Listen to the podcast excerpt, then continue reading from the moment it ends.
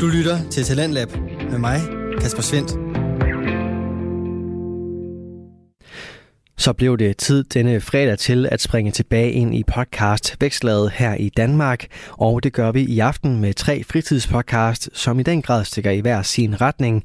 Men øh, det er jo fuldstændig i tråd med programmet her på Radio 4, som øh, præsenterer og udvikler de her forskellige fritidspodcast, der kan underholde, informere og måske endda inspirere dig. Det finder du nok ud af i løbet af i aften, hvor vi både skal høre fra Choplock podcast og Gud bevar anime, men øh, først så står Frygteligt Fascinerende klar med et afsnit til dig. Og frygteligt fascinerende har verden Maria Kudal. Hun præsenterer her en podcast med fortællinger om alt det, der skræmmer os, men som vi også er lidt spændte på at høre om. Alt det her uhyggelige, som vi alligevel ikke helt kan lade være med at øh, røre ved. Maria hun er en øh, formidler, der både er vildt nørdet med de her forskellige historier om øh, personer, begivenheder og fænomener, som altså balancerer imellem det skrækkelige og det spændende. Og så er Maria altså også et øh, podcast-talent, der konstant udvikler sig som fortæller og producent. Og øh, den udvikling kan du både høre i hendes øh, almindelige afsnit, og så de her kort fortalt episoder, hvor konceptet for podcasten er skruet lidt ned i, i hvert fald længde. Denne gang øh, handler det her kort fortalt afsnit om en begivenhed, der desværre er sket for nylig, og det er den her tragedie i Seoul, hvor en menneskemængde blev mast. Du får aftenens første fritidspodcast lige her. I sidste weekend døde mere end 150 mennesker i en frygtelig tragedie i Seoul. De blev mest ihjel i byens gader under det, der egentlig skulle have været en fejring af Halloween i et af Souls mest populære områder. Men hvad er det egentlig, der sker, når folk bliver mast ihjel i større menneskemængder? Velkommen til det her afsnit af Frygteligt Fascinerende, hvor vi dykker ned i tragedien i Seoul. Frygteligt Fascinerende er en podcast om alt det frygtelige, som alligevel fascinerer os. Her i Kort Fortalt giver en kort intro til noget frygteligt fascinerende fra nær eller fjern historie. Velkommen til. Om aftenen lørdag den 29. oktober er op mod 100.000 mennesker, mest unge, samlet i Interone, et populært nattelivsområde i Seoul med smalle, stejle gader og tæt pakket med barer og natklubber. Stemningen er virkelig god, og det er der flere grunde til. Det er Halloween, det er weekend, og så er det en af de første større fester efter at Korea, længe efter de fleste andre lande, har løftet deres covid-restriktioner. Men kort før kl. 10 om aftenen går det rigtig galt i en smal, stejl sidegade, der forbinder klubber og bar med hovedgaden. Det er lige nærheden af den travle station, hvor der hele tiden kommer flere og flere mennesker til området i tæt pakkede tog. Øjenvidner beskriver, at menneskemængden ligesom svejer fra side til side, og at folk står så tæt, at de ikke kan rykke sig, da de første mister fodfæstet og falder. Det sætter gang i en dominoeffekt på den stejle gade, hvor flere og flere falder og forsvinder i en mængde af mennesker, der ikke kan stå imod presset fra de omkringstående. Da de første er faldet til jorden, følger de, der står lige omkring dem efter, og de lander ovenpå, og så bliver de fanget på jorden. Flere forsøger at klatre op af bygninger for at undslippe presset fra menneskemængden. Mere end 150 unge mennesker slipper ikke ud af situationen med livet i behold, mens lige så mange ender på hospitalet med deres skader. Og det sker på grund af noget, som i mangel af et bedre dansk udtryk hedder crowd crush eller crowd search. Og det skal vi dykke lidt ned i nu. Og så skal vi også ned i, hvorfor det ikke er det samme som panik, lemmingeeffekt eller andre af de forklaringer, som man nogle gange ser i forbindelse med de her tragedier, hvor folk bliver mast ihjel. For crowd management er faktisk noget, man arbejder ekstremt bevidst med alle steder, hvor der kommer til at være mange mennesker samlet på én gang. Og det gør man ikke, fordi at man er bange for, at folk går uprovokeret i panik og bare maser hinanden ihjel. Det gør man, fordi man ved, at mange mennesker, der står for tæt, udgør en risiko i sig selv, uanset om de går i panik eller ej. Der er mange ting, der spiller ind, når en stor forsamling bliver farlig at være i. Men de vigtigste er for mange mennesker per kvadratmeter, manglende kontrol og retningslinjer, brede åbne områder, som så sluses ind i smallere gader eller områder, er nogle af de ting, der kan få det til at gå rigtig galt. Crowd crush kan opstå, når for mange mennesker forsøger at komme ind i et afgrænset område på én gang. Det kan betyde, at folk bliver mast så tæt sammen, at de ikke længere kan bevæge sig. Selv små stød eller bevægelser kan gå gennem menneskemængden som en bølge. Folk kan blive mast i en sådan grad, at de ikke kan udvide deres brystkasse for at trække vejret. Og det kan man dø af, ved noget som man kalder kompressionskvælning.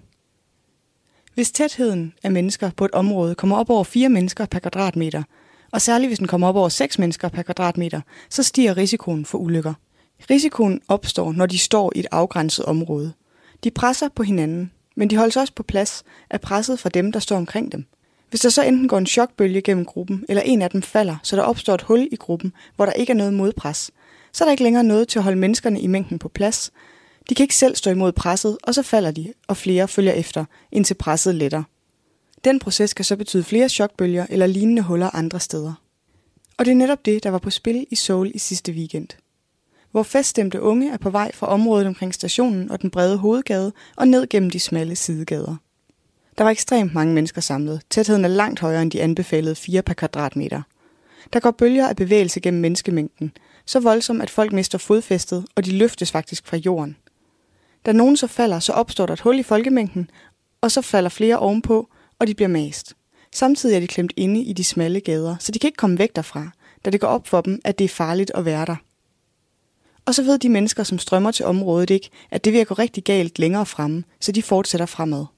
Faktisk er det ikke nødvendigvis særlig kompliceret at forebygge den her slags ulykker, men det kræver fokus på crowd control og sikkerhed.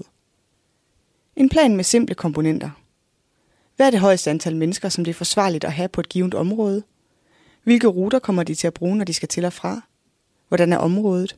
Hvad kan kontrollere, hvordan folk bevæger sig i området? Og så skal vi have omhyggelig overvågning af menneskemængden.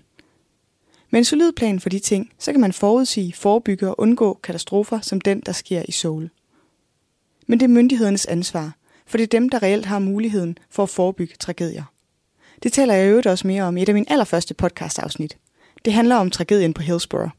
Og hvis du kan leve med en lavere produktionskvalitet og en mere utrænet podcastvært, så kan du give det et lyt efter det her.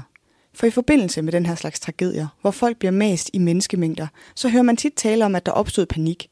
Nogle taler om sådan en lemmingeffekt, hvor folk, der står bag os, bare gerne vil frem, og så er de ellers ligeglade med, hvad der sker med dem, der står foran. Men det er forkert. Og det er ikke bare forkert, det er også en ladet fortælling, som placerer ansvaret hos offrene, som om de selv har opført sig uansvarligt og selvdestruktivt, taget dumme og irrationelle beslutninger og ikke tænkt nok på andre. Jeg læste en del nyheder lige omkring tragedien, for jeg har et familiemedlem, der bor i Seoul, og som netop var ude for at fejre Halloween i byen. Og noget af det, jeg stødte på flere steder i kommentarfelterne rundt omkring, var folk, der ikke kunne forstå, hvordan det her overhovedet kunne ske. Og så opstår der de her dumme myter.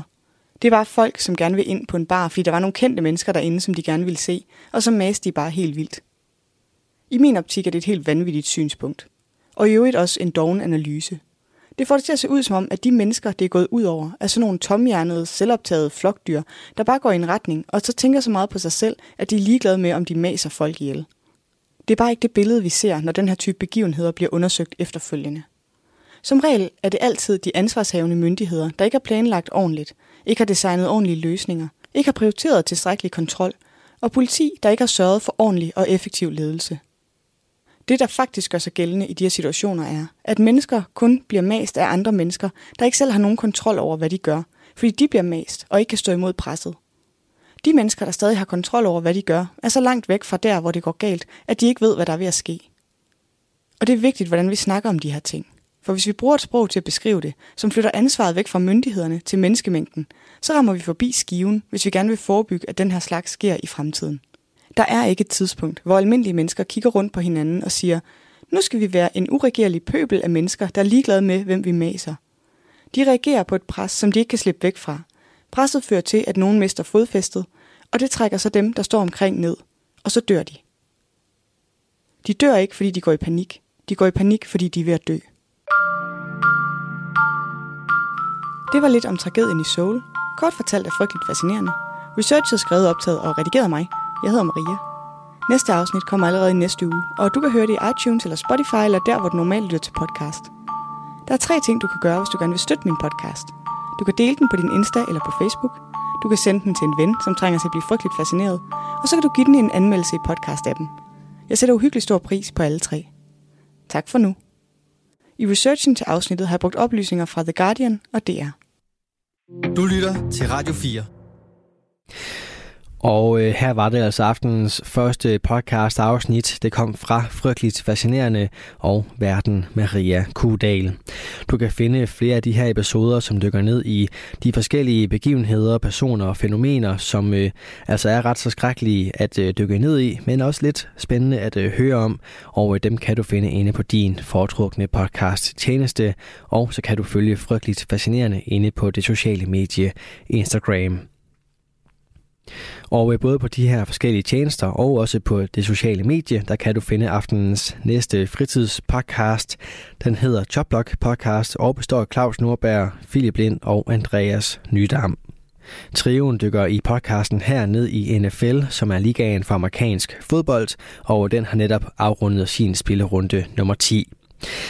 De tre venner de har både spillet, trænet og dømt i den danske nationalliga for amerikansk fodbold, og så er de også øh, fans af henholdsvis de tre hold, Philadelphia Eagles, Green Bay Packers og Baltimore Ravens. Men bare rolig, de tre de taler selvfølgelig om alle de 32 hold i ligaen, når de hver uge vender de seneste nyheder, snakker om øh, nye skader og analyserer udvalgte kampe. Og med den kombination får du første bid af her, en bid, som er optaget før Claus fandt ud af, at øh, hans yndlingshold Philadelphia Eagles faktisk tabte deres øh, første kamp i sæsonen, da de spillede natten til tirsdag. Velkommen til The Job Blog Podcast. Vi er glade for, at du hører med endnu en uge. Uge 10 er nu næsten gået i bøgerne. Velkommen til mine to faste medværter. Andreas Nytter. Hey.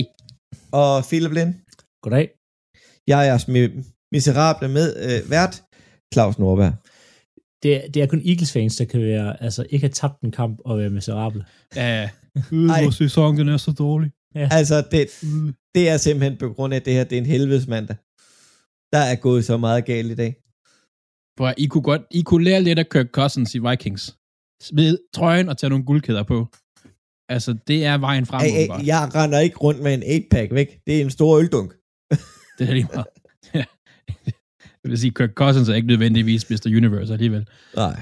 Men øh, ja. 10 uger i bogen snart. 8 tilbage. Er det, som I forventer det? Eller er det helt rundt på gulvet? Det er øh, 50-50. Vil jeg sige sådan lidt, op, lidt optimistisk, vil jeg sige. Lidt optimistisk. Nå, så lad os bare gå i gang med det samme.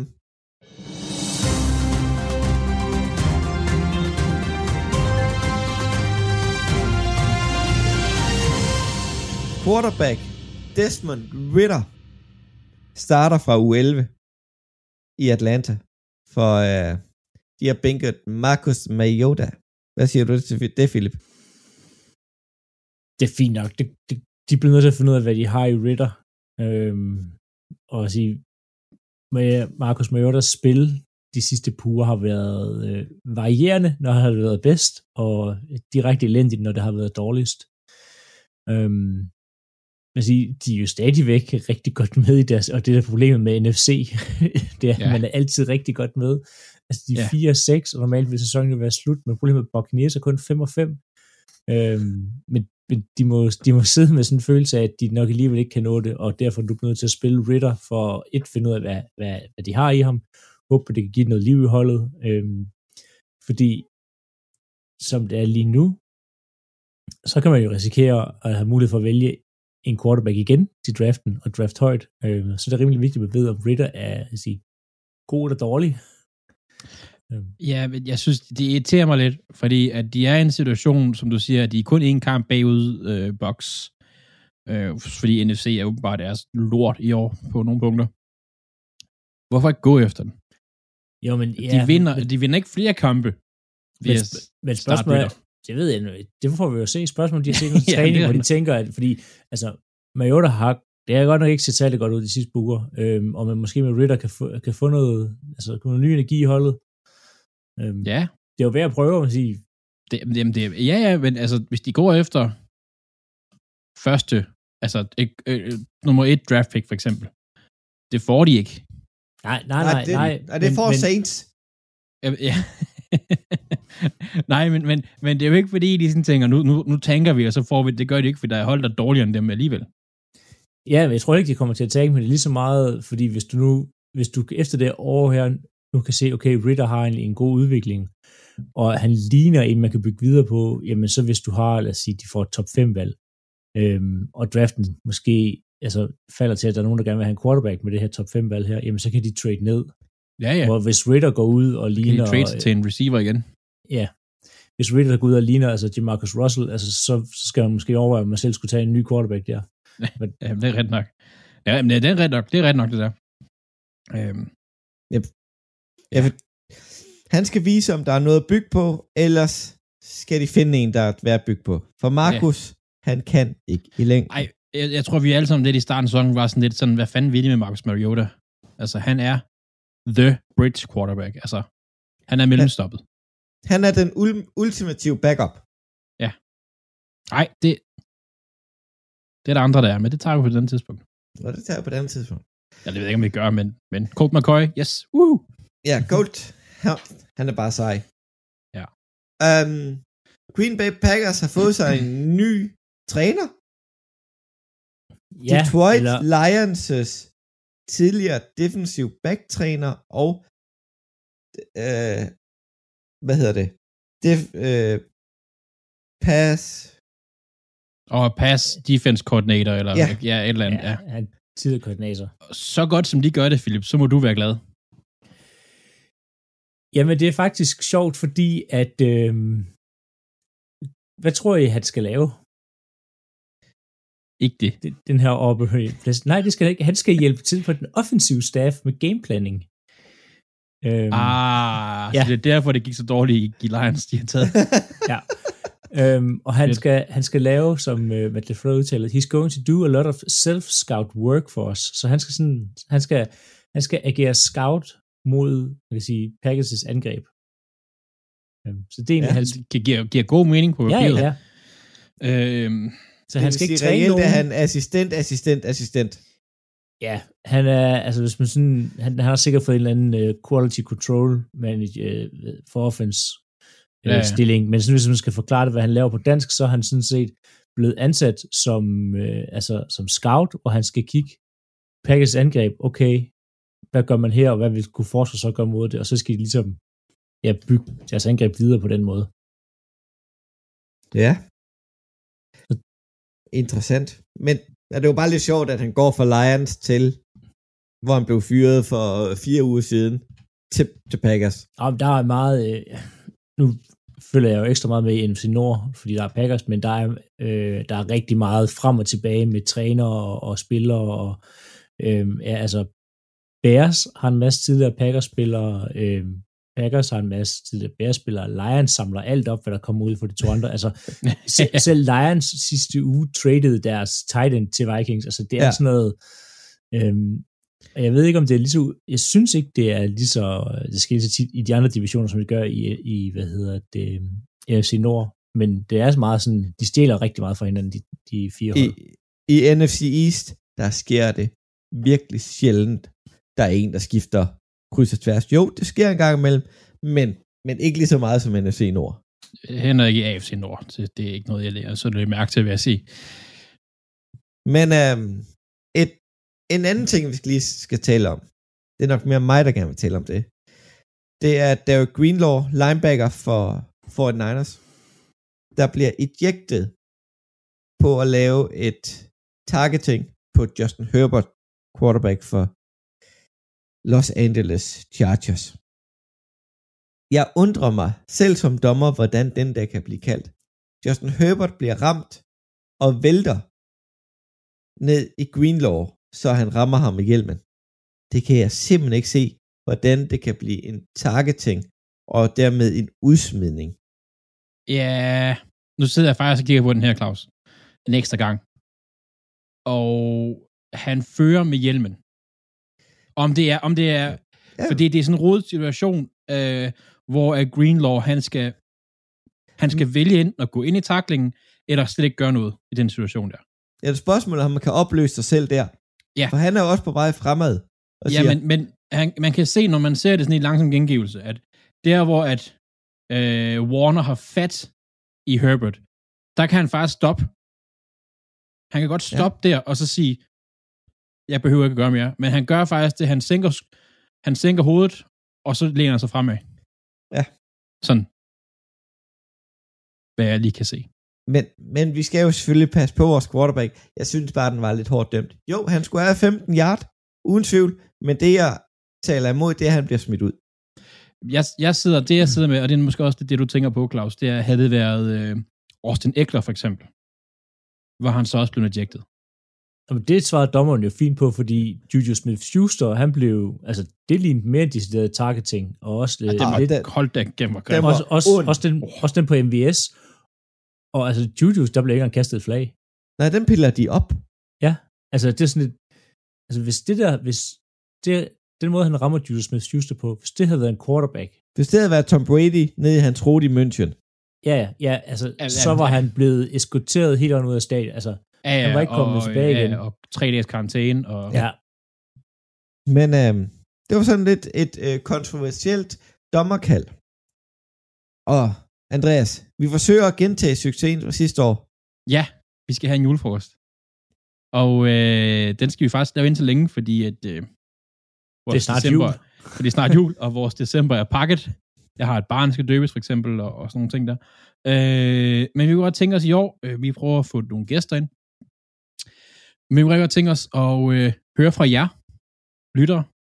Øh, jeg har lige lavet et opslag, som øh, lige imens jeg trykket optag, så røg det på Facebook og på Instagram. Jeg kunne godt tænke os at høre lidt om, hvad, hvad- altså fra så mange fanbaser som muligt. Og om det kan lykkes, det ved jeg ikke. Nu forsøger vi. Men lige øh, lav en, øh, en video eller en lydfil. Send den til os på Facebook Messenger eller Instagram, whatever. Øh, lige om, hvilke, hvordan I synes, det går for jeres hold. For eksempel, skulle det være, Philip, hvis du lige hurtigt med en sætning skulle sige, hvordan går det for Packers i øjeblikket? overraskende godt, Hvordan synes du, det går for Packers i den her sæson? overraskende dårligt. Lige præcis. det er sådan noget, der synes, det kunne være fedt at få med, og sådan lidt få nogle, en Broncos-fan til at sige, satans, vi har fået en quarterback. Øhm, så, så mange som muligt, smid lige en, øh, en lydfil eller en, en videofil til os, og så øh, laver vi noget fedt med det. Det bliver spændende, hvad han kan finde på, ham Andreas. Men øh, vi optager den om et øh, par uger. Ja, Og- vi og så- det, øh, og efter, det er Black Friday, så det, det skal nok blive godt. Det er lige efter Thanksgiving. Yes. Øh, men, men det bliver udsendt tættere på jul. Så, så I har ikke mange uger til at gøre det. Men øh, lige rundt et par skader. Washingtons Commanders defens- stjerne defensive end, Chase Young. Han kommer ikke til at spille i aften mandag mod Philadelphia. Og det er et spørgsmål, hvornår han bliver klar. Men han nåede, når det ikke til U10, og det bliver sjovt at følge med, hvornår det sker, at han kommer tilbage. Jeg håber, han snart kommer tilbage, for han er virkelig Han er dygtig. sataneme dygtig. Ja. Og så har vi uh, Cooper Cup, der er måske ude med en ankelskade, og det kan være rigtig slemt. Den så ikke sjov ud. Det gjorde den sgu ikke. Har I set hans statline for weekendens kamp? Tre grebne bolde, minus en yard. Jeg vil sige, i, uh, i kamp med backup quarterback, så var det sgu ikke uh, uh, Rams' backup quarterback, der, der hævde sig, eller hævde, der gjorde det godt der i hvert fald. Jo, så er der jo så yderligere skader til Juju Smith-Schuster og Jerry Judy på wide receiver. Det var ikke en god uge for, for receivers, det her. Det var Ej, det de ikke. fik godt nok nogle tæv. Ja. Men Andreas, quiz. Ja, jeg var jo så heldig sidste uge at vinde quizzen. Ja, det var held. Det var dejligt at prøve en gang imellem. Øhm, så i, i ære af, øh, at vi har en rookie head coach, der gjorde det godt, som jeg kommer lidt ind på senere, så handler quizzen nu her om rookie head coaches, deres første år som head coach. Ja. Så kan I tænke lidt over det. Der er mange. Ja. Der har været mange, altså alle coaches har været rookies på et tidspunkt. Øhm, men jeg har hævet tre frem, som vi skal mm-hmm. snakke lidt om. Spændende interessant, men nu starter vi med u 10, og nu vil jeg se, om det kan lade sig gøre det her, for nu skal vi på rejse.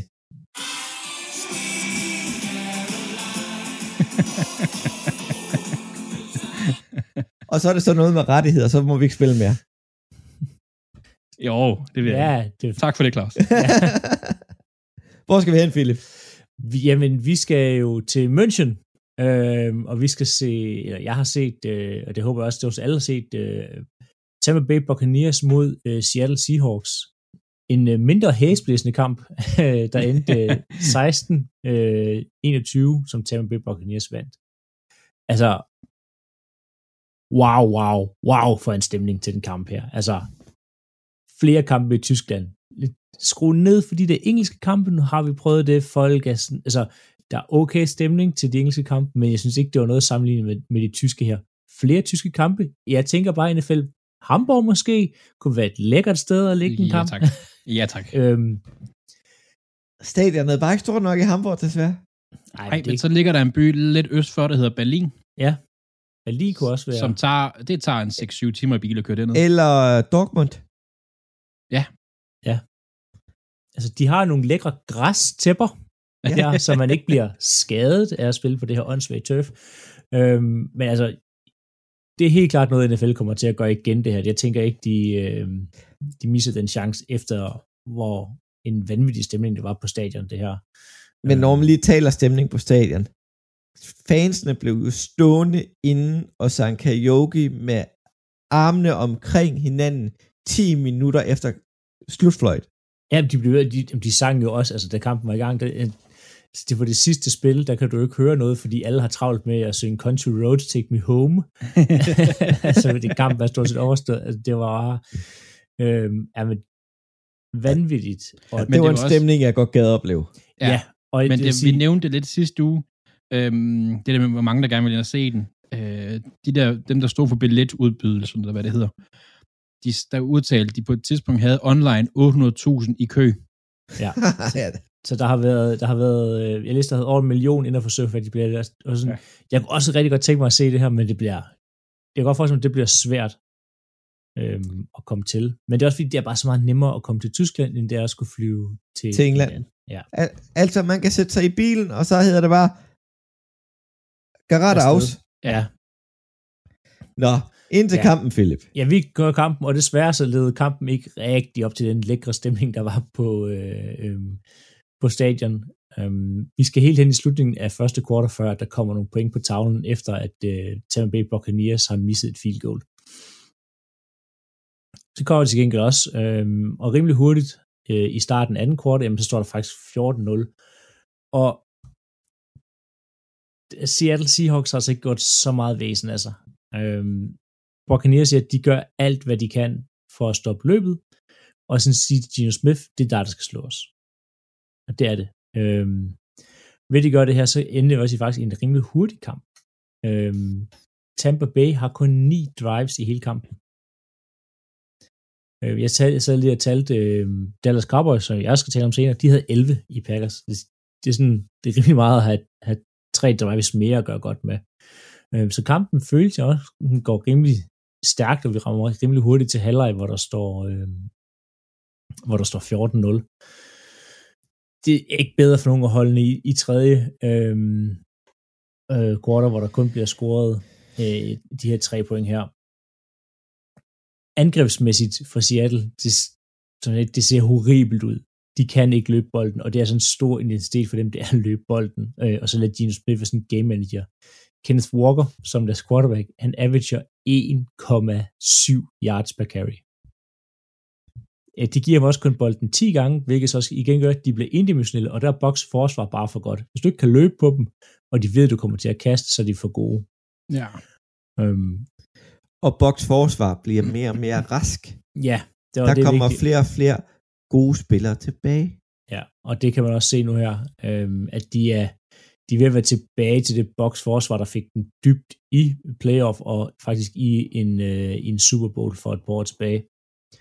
Øhm, og offensmæssigt, Andreas, jeg tror det var sidste uge, hvor du sagde det med, at øh, Tom Brady, han har, øh, han har ikke tabt, siden han blev skilt. Og, og vi grinede af det, men jeg sad og tænkte over, altså, det, det virker som om, efter han har fået den her skilsmisse igennem og sådan noget, at du, ved, det, nu kan han koncentrere sig om fodbold. Ja. Ja, men det er ret nok. Altså, altså og og det kender vi også godt selv, hvis der er et eller andet, øh, der, der bakser lidt på hjemmefront, jamen så kan man måske ikke 100% koncentrere sig, fordi han spiller faktisk en rimelig clean kamp, Tom Brady. Øhm, Udover at han lige får lukket dem tilbage til allersidst, men det, det tager vi lidt senere. Men han er 22 for 29, øh, to touchdown og en enkelt interception. Øhm, så en, en god kamp, og Tom Brady er spiller noget af det bedste, han har spillet i løbet af sæsonen her, altså fordi han tidligere på sæsonen var det godt nok, man stod til, uh, han er ved at være færdig, men efter det her skilsmisse ting her er gået, man kan sige sådan, i orden i sessionstegn på hjemmefronten, så spiller han altså noget bedre. Han lukker dem dog desværre ind i kampen. Kampen er faktisk, øh, den er egentlig afgjort. Øhm, der står, øh, der står 10-21, øh, og der er ikke så meget tilbage på klokken, og så går Tom Brady ud meget ukarakteristisk og kaster, et, øh, kaster interception dybt ned i egen zone, øhm, som gør, at Tam, hvad hedder det, Seattle Seahawks rimelig hurtigt kan gå ned og score et touchdown. Og så bliver det faktisk spændende nu her, fordi så står det lige pludselig 16-21, og der er næsten 4 minutter tilbage på klokken. Altså, man tænker, okay, hvis de er ud for et stop nu, så er der faktisk mulighed for, at de kommer tilbage i en kamp her, og sådan på ingen tid forvente det her til en sejr. Men så gør de Tampa Bay det, de har gjort hele kampen. De sætter sig for at løbe bolden, og den bliver løbet, og klokken bliver løbet fuldstændig af. Richard White, som er deres leading rusher, han løber 22 gange i løbet af kampen for 105 yards. Average næsten 5 yards per carry. Fuldstændig vanvittigt, og godt spillet den her offensive linje for Buccaneers. Øhm, og så skal vi lige, vi skal runde et spil, hvor jeg ikke kunne lade være med at sidde og tænke på, på en Super Bowl. Er det... Øh, er det øh... Ja, det er ja. nemlig. Øh, man vælger at sætte Tom Brady ud som receiver, snap bolden til Fournette, øh, som skal kaste den ud, og Tom Brady, han glider. Øh, og det men, bliver så til interception. Når man laver det spil, ikke? og du kender også det her, du kender det her spil rigtig godt, Claus. Øh, det er jo hvorfor ikke det vælger man så at gøre det med en quarterback, der er 45? Men det, det var jo ikke, det var ikke Philly Special. Det er ikke nej, en rigtig Philly Special. Nej, nej, det ved jeg godt, men, men det der med hele tanken bag, at du laver lige sådan et trickspil med en quarterback. Jamen, det, var mere, det var mere sådan noget wildcat, men det er mere, ja, ja. altså Tom, Tom Brady, han er for gammel til det der. Og altså, Fournette Leonard Fournette. Jamen, og det er bare, altså, de... I, igen, hvis man skal køre sådan et spil der, så er det, at man skal finde en på sit offense, der tidligere har spillet quarterback. Ja. Og, og Leonard Fournette har altid spillet running back. Og en bestemt type running back. Han ja. er ikke sådan en nimble, en der kan gøre det og rigtig meget. Han kan bare løbe tungt og lige ud. Ja, altså det... Ja, jeg forstår ikke, hvorfor, hvorfor det skal... Og man taber en possession ved det, fordi man lige præcis vælger, at... Øh, jeg ikke vælger, at man kommer til at kaste en reception. Og hvad får du ud af det? Hvad, Tom Brady, hvorfor skal han have bolden derude? Altså, det er bare sådan... Ja. Det virker virkelig, virkelig dumt at forsøge at gøre det her. Ja. Øhm, men ja, heldigvis så blev det ikke øh, mere i, i den bæreste ende, at, at de endte med at, at vinde kampen. Så vi kan håbe, at næste gang, at de kommer til München eller Tyskland, at det så er to hold, der kan ja, spille en lidt tættere og federe kamp, fordi det fortjener de godt nok noget. Ja, ja. Den stemning bliver leveret. Og nu når vi lige har været inde og tale Tom Brady og kampe i udlandet, hvilket fire lande har han vundet fodboldkamp i? England, Tyskland, Mexico, USA. Ja, og han har også ja. spillet i Canada, faktisk. jeg kan du skal tænke over det. Det er dig, der spiller spørgsmål, ja. Claus. Skal du lige tænke over det. Er, er det bare, jeg ved, han har også spillet i Canada. Han er den eneste, der har spillet i fem lande også. Nå, jeg ved ikke, om han har vundet i Canada. Det, nej, nej, det har han ikke. Han tabte Bill stop. Jeg vil sige, det, det er Bill, der er chancen for, at han har vundet på det tidspunkt, var nok ret stor. Men, ja. men øhm, ja. Du lytter til Talentlab med mig, Kasper Svendt. Du er skruet ind på programmet Talent Lab, hvor jeg, Kasper Svindt, i aften kan præsentere dig for tre afsnit fra Danske Fritidspodcast. Her som nummer to er det fra Jobblock Podcast, som består af Claus Nordberg, Philip Lind og Andreas Nydam. Og deres seneste afsnit vender vi tilbage til her, hvor de venter spillerunde 10 af NFL-ligaen for amerikansk fodbold. Fra øh, det lidt mellemlunkende München med den gode stemning til solsbeskinnet Miami. Der tog imod Hjalte Froholt, der desværre var på bænken. og Nej, han, han spillede, han, jeg så faktisk flere han snaps. spillede, ja, men han startede på bænken. Ja, ja, det ja. Fortæller var klar, de byttede lidt i løbet af kampen. Men jeg vil ikke tale så meget omkring Hjalte, for, for de fik sgu en lidt på ørerne. Um, Miami har jo faktisk ikke tabt en fodboldkamp i år, hvor at Tua er startet kampen, og han har sluttet den. Det, det er en ret vigtig stat, at han også lige slutter den. Ja, for han har ja. tendens til at blive skadet eller ja. bænket. og i den her kamp, der spillede Tua Tagovailoa fra Miami Dolphins virkelig godt. Han havde 25 for 32. 285 yard. Det er 8,9 i gennemsnit. Altså, og han siger ikke bare, okay, nu går vi efter mine to stjerne wide receiver, Tarek Hill og Jared Waddle. Han spreder den rundt. Der er ikke en wide receiver med mere end seks targets. Og der er ikke en wide receiver med mere end 66 yards. Men der er rigtig mange, der har fået bolden undervejs. Stille og roligt bevægede sig op ned ad banerne. Et løbespil, han kunne læne sig op i med Rafford Mostert og Jeff Williams Jr., de har byttet sig til i, øh, i Fort Niners. Og hold kæft, hvor er han god i McDaniels system. De løber og kaster stort set lige meget, i hvert fald hjertemæssigt. Og så deres forsvar piller bare fuldstændig Nick Chop ud af kampen på den måde, man måske kan lukke Nick Chop. Han får 63 yard og touchdown. Fantasy jeg har drevet sig i håret over, at han ikke har lavet mere. Men de arbejder benhårdt på, at det er Jacoby Brissett, der skal vinde kampen for dem. Og det kan Jacoby Brissett ikke. Han har en redselsfuld kamp. 212 yards, et touchdown og 3 sacks. Han er under pres over 40% af gangene, han dropper tilbage for at kaste bold. Jeg, jeg tror, Browns fans glæder sig til, at Watson kommer på banen. Selvom I, vi andre nok ikke gør. En af grundene til, at han er under pres. Det, det, det, du bliver glad for at høre det her, Claus. Det er der ikke nogen danskere, der gør. Wyatt Teller, der startede right guard, han spillede 11 snaps. Hjelte Froholt spillede 45 snaps. Altså, han spillede fire gange så meget som, som Teller. Det er jo godt for os. Der er gengæld så havde han 27 pass, passing snaps, som jeg sidder og kigger på det her, ikke? og han var elendig. Den dårligste rated øh, spiller på pass, pass blocking. Men, Desværre. Men Hjaltes fordel er jo heller ikke hans pass blocking. Det er hans one blocking. Hvor, kommer... han er, hvor han er længder foran alle andre på den linje der. Det er ikke sindssygt scoren af den kamp, ja. Ja, men, men, men da de allerede kommer så langt bagud ret tidligt i kampen, så går de jo væk fra løbet.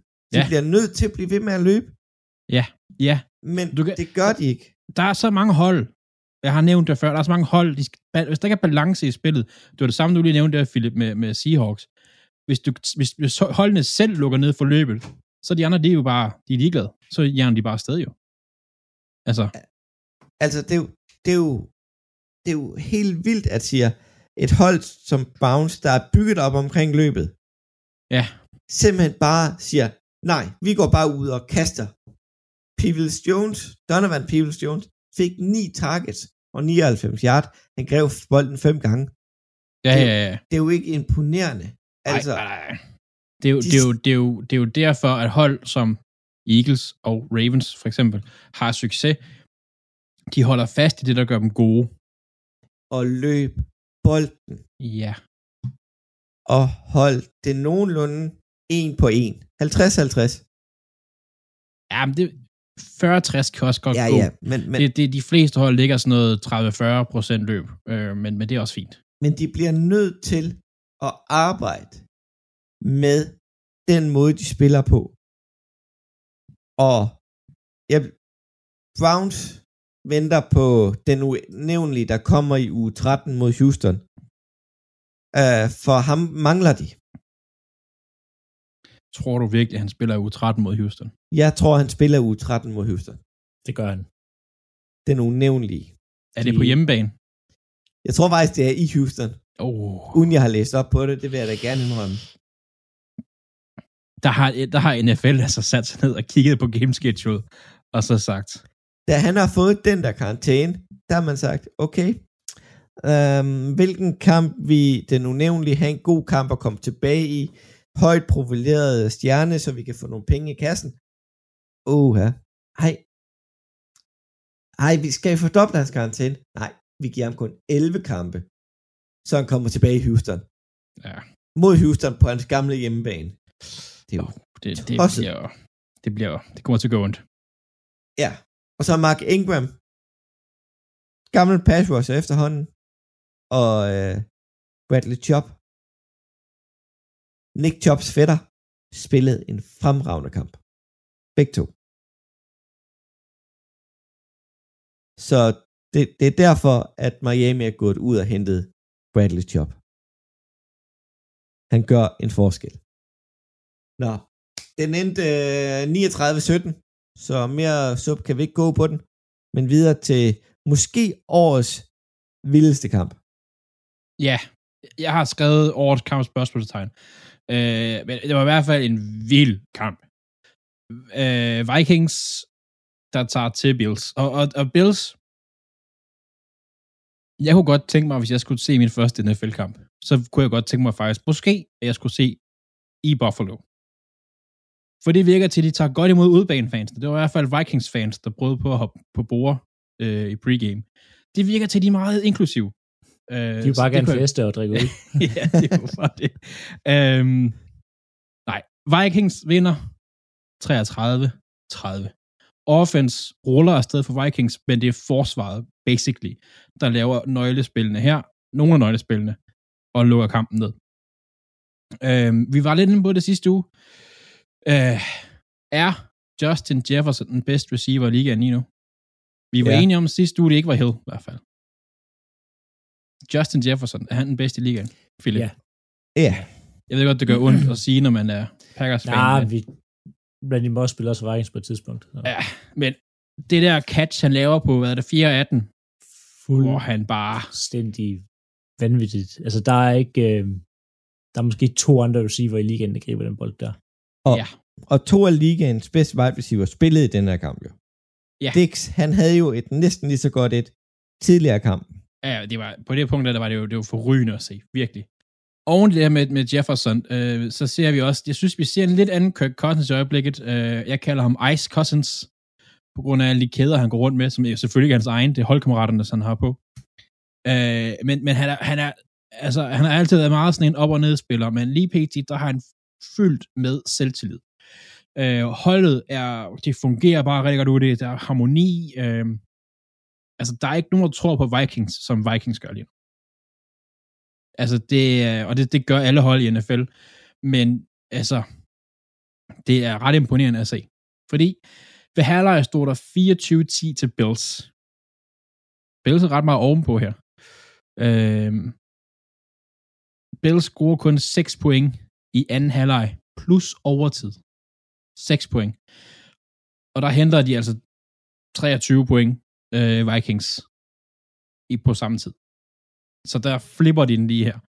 Øhm, noget af det, der måske kunne ske, Josh Allen var skadet i, skadet i kampen, øh, ugen op til kampen hedder det, og øh, der var lidt sådan snak om, at han skulle spille, og se det bagspejl nu, det er mandag, nej, det skulle han ikke. Ej, men han dummer sig så også i løbet af kampen ved at altså, Og, og det gør, kaste sig ned efter en interception, eller et return, og Ja. Øh, han, smider, han smider ind i kampen væk i overtiden med en interception til Patrick Peterson.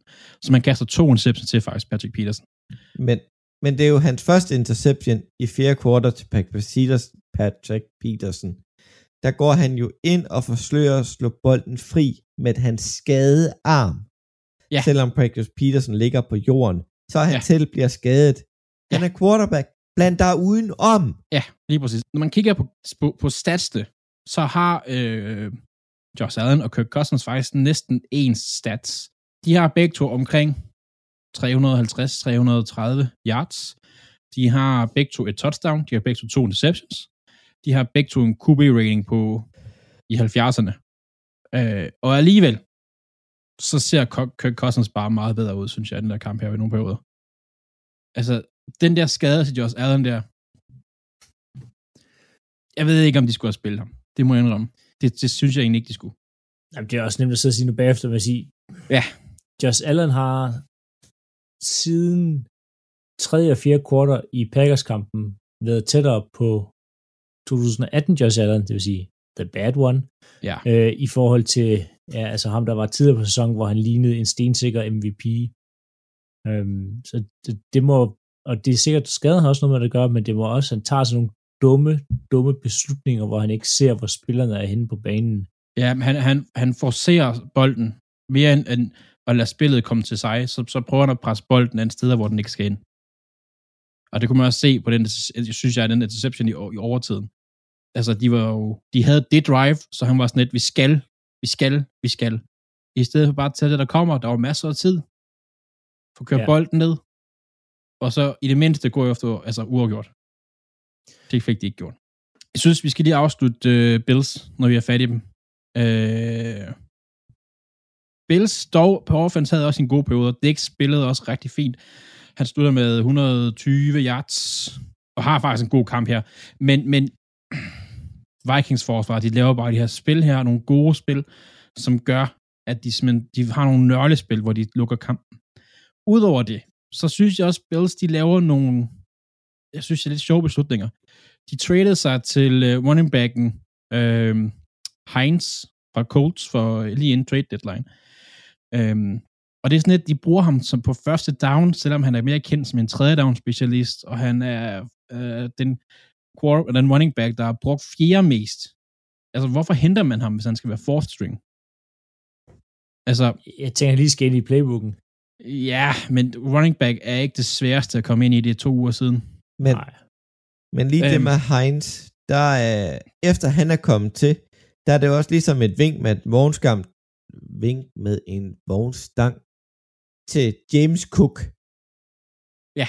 Og man siger, nu tager du dig sammen, ellers kommer ham her til at spille. Og så, så er han faktisk begyndt at producere. Øh, men, ej, altså, ja, jo, fem, fem carries for 22 yards for Cook, det er jo det er ikke lige så godt som hans, hans øh, bror, Dalvin Cook for Vikings. 120 yards, og så et touchdown. Men, men, men, men, ja, altså, det, altså, det er klart, at Devin, Devin Singletary der er, er stadigvæk back-gun øh, blandt dem, selvom Josh Allen han er klart den med flest yards. Sjovt nok. Øh, så det er sådan lidt det med Bills, altså, der er nogle gange nogle beslutninger, hvor man tager, hvor de tager, og man tænker, hvorfor? Ja. Altså, og de, Men, de, de, de henter, øh, hvad hedder det, Heinz øh, for Coles, der har de også en Duke Johnson, på, øh, som er på vej tilbage fra skade. Han var ikke den der kamp her igen. Hvorfor? Så, så Bills, det har egentlig ikke set så godt ud siden øh, Jets kamp. Ja, men... Altså, synes jeg. Men jeg vil øh, gerne lige ind på slutningen. Jeg ved godt, at vi bruger lidt tid ekstra på Bills ja. og Vikings her. Slutningen af kampen. Hvor vild er den ikke tage, eller slutningen ja. af regulær tid? Ja. Vikings øh... bliver stoppet på en kvarteljardlinje. Ja. Og så får de chancen igen. Ja. Men, altså, det er jo, det er jo nu, igen... Nu har, du lige, nu har du lige fat i det der med, det var Delvin Cook, han taber 3 yards i, i overtime på det spil. Buffalo Bills har 12 mand på banen på det spil. Ja. ja. Det må ikke ske som dommer. That's not super godt. Altså, det er ikke sådan super godt, at de der riffs... Altså, Nej. Det... Eller Nej. der på... Øh, hvad hedder det? Vikings lige kom foran 30-27 på øh, fumblen af Josh Allen, efter at Bills ellers havde stoppet dem. Og så er der det der catch til Gab Davis, som aldrig skulle være dømt som et catch, men replay er for langsom. til at sige, vi skal kigge det her igennem. Og hvis de tager fejl en gang, og det er klart catch, so what, lad os komme videre. Den og den skal bare tages igennem til gennemse. Ja, ja. Altså, der er flere ting der, men, men credit where credit is due. Der er, det, det er Vikings, der hiver den her hjem, og det er Kendricks, der laver den der force fumble på, på Josh Allen i sidste minut af fjerde kvartal og scorer touchdown på det. Er jo et kæmpe spil. Altså, det, at redder dem og få dem i overtid, og det var syg kamp det her. Hvis nogen ikke har set den, gå ind og se den. Og, og jeg tror, uanset at man kender resultatet, gå ind og se den. Der var store spil, der var lange løb, der var store forsvarsspil. Altså, nu nævnte jeg Tremaine Edmonds for Bills. Øh, det var jo, øh, Patrick Peterson havde to interceptions. Øh, Kendricks linebackeren havde, det var ham, der havde øh, fumble forced øh, til touchdown. Han havde kun, og, han havde kun recoveren. Til coveren, det var sådan, det var. Og så øh, deres D-tackle Phillips er også, har også en fantastisk kamp for Bills. Øh, så, så det er det, det er sådan en kamp, den kunne jeg godt på at se igen i sådan noget uh, Watch in 40 eller sådan noget. Det var kampen, der gjorde, at jeg ikke kom tidligt i seng. ja, ja, ja, samme her. Samme her. Ja. Men, øh, øh, men prøv at, jeg synes, vi skal lige hurtigt her, ikke? Skal vi tage Vikings seriøst? Nej. Det, det, Eller, det, jeg, jeg vil tage dem... De kommer i playoff, og de vinder måske første kamp eller sådan noget. Men Vikings held løber altid ud for dem i playoff. De kommer ikke i Super Bowl, de kommer ikke til at vinde, og hvis de kommer i Super Bowl, så taber de på sådan, altså, miserabel vis. Ja. Det er et godt hold, og det kører for dem så lang tid, at de spiller øh, klokken 19 dansk tid. Øh, så er Kurt Cousins ekstra god, men de skal nok få møblet det fuldstændig væk i playoff. Nej, det er så, at jeg har det på samme måde. Altså, havde det været uh, Kansas, der havde vundet den her kamp på den måde her, så havde jeg tænkt, okay, Kansas, de sidder i førerrollen lige nu. Men der er også en forskel på den måde, Vikings har vundet på i år. De ja, har vundet syv kampe i træk med under en score. Ja, ja. Det, det er ikke... Stab- jo, det er stabilt, at de gør det, men det er jo ikke et niveau, de kan holde. Nej, men gode hold vinder tætte kampe. Bum. Det, altså, det er, ja. altså, gode hold smider ikke tætte kampe væk. Men gode, men gode hold laver også præstationer, hvor de udraderer en modstander. Ja, ja, det, det gør det, det, det bør de også gøre. Mm, øhm, men det har vi ikke set fra Vikings i år overhovedet. Nej, der har forsvaret været lidt for ustabil, synes jeg. Vi har flyttet vores segment uh, ugens vinder, taber og overraskelse til nu her, så vi starter simpelthen med ugens vinder, Andreas. Ja. Jeff Saturday bliver hævet ud som øh, øh, hvad hedder det, kommentator på ESPN, til at være... Og high school træner. High school træner, ja. Undskyld, skal man glemme. For at være øh, head coach for Colts. Og det er jo i sig selv jo en sejr. Men når man skriver på Twitter tidligere på sæsonen, øh, eller lige en sæson, tror jeg det var, at øh, Raiders, de ser dårlige ud. Og så bliver signet som head coach, og spiller sin første kamp mod Raiders, og vinder. Det er badass. Det er det altså. Så ugens vinder, Jeff Saturday. Ja, og videre over til ugens taber, den har, ja, har du fået, Philip? Ja, det er øh, Super Bowl-mesterne fra LA Rams, øh, fordi deres sæson er slut nu. Jeg skulle, jeg skulle lige til at spørge, skal vi lægge dem i graven, eller? De er lagt øh, i graven. Jeg elsker at vente på, jeg har, jeg har ikke, jeg bruger meget tid på en side, der hedder 5, 538, øhm, som er sådan, hvor der er procenter for, hvor langt man er i playoff, og så kan man sidde og trykke øh, kampe til og fra, og så ind i de her, play, øh, hvad hedder det, øh, ja, procenter så. Det, de laver sådan en simulation på 50.000 kampe over løbet af sæsonen. Det er meget nørdet side. Øhm, og der lige nu ligger de til 7%, de her Rams, efter at have tabt til Arizona Cardinals. Ja. Øhm, og det er sammen med Saints og Steelers og Lions, som ligger ned i de her 5, 3 2 1 øh, procent her. Schedulemæssigt, ja, kunne godt lykkes, men jeg tror ikke på dem længere. Radio 4 taler med Danmark. Vi gør en øh, kort pause på nørderiet i Chopblock podcast med Claus Nordberg, Philip Lind og Andreas Nydam, for vi skal lige have en omgang nyheder her på Radio 4. Men efter dem, så vender vi selvfølgelig tilbage til øh, snakken omkring NFL, ligaen for amerikansk fodbold, og også lidt senere i aften et øh, afsnit fra Gud bevar anime, hvor Mads Nørgaard og Kasper Påske nørder om noget helt andet, nemlig den japanske tv-tegnefilms stil. Men altså først nogle nyheder her på Radio 4. De kommer selvfølgelig leveret fra verdens bedste nyhedsoplæser.